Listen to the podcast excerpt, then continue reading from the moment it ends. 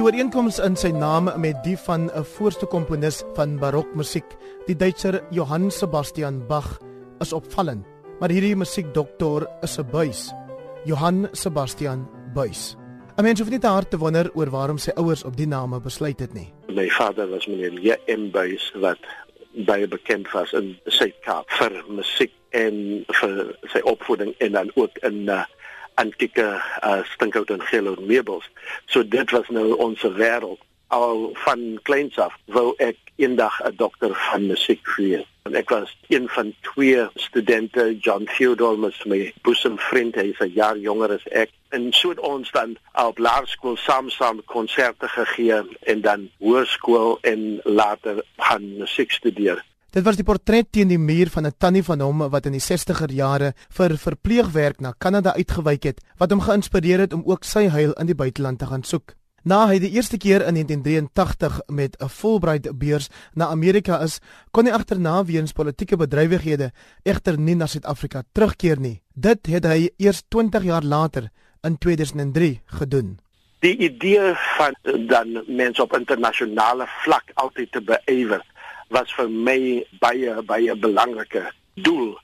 Van hierdie eh, hierdie moontlikheid dat ons ten spyte van ons omstandighede in die 60er 70er jare altyd maar ons visie altyd so ingekrimp was dat dit altyd gedink was in terme van mense wat apart moet wees en hulle uitleef in aparte kontekste. Dit was vir my uh, absoluut onaanvaarbaar. En so het ek al as kind um, die indruk gehad dat ek moet my beywer om uh, my te bekwam dat ek op internasionale vlak as mens my kan uitleef. Hoe belangrik is musiek vir 'n land soos Suid-Afrika, spesifiek gegee ons verdeelde verlede?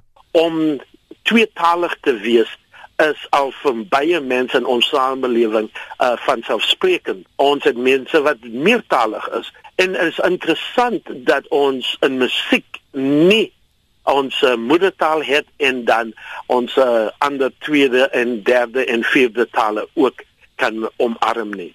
Ek stel voor dat as ons in 'n multikulturele samelewing uh, wil omgaan met met elkeen in met mekaar dan moet dit daarop neerkom dat ons altyd ons meertalig bevind beide in die spraak van ons tale maar ook meertalig in die keuse van ons musiek en ek dink dit is waar ons 'n groot oproep maak aan aan mense om hulle keuses te verbreek omdat ons ons taalkeuse ook verbreek Professor Buys hoe hou u Afrikaans lewendig Dis maar my pa en my pa se voorsate se taal. My ma was Engels en ons het in Engels in die huis gepraat of wel ons op Oudtshoorn groot geword het en ons skoolloopbaan was altyd in Afrikaans. Ek is baie bly dat ek daarom nog die romans en letterkunde kan lees en dan dan hou ek dit so na in die hart.